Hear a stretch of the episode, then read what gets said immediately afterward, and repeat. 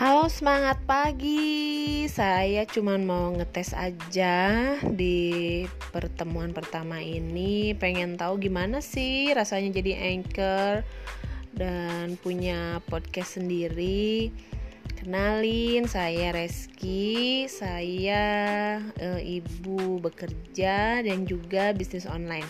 Ya, nanti di episode berikutnya saya akan sharing ya, e, gimana sih bisnis online itu, ada apaan aja. Perkenalannya segitu dulu aja. Nanti sampai ketemu di episode berikutnya.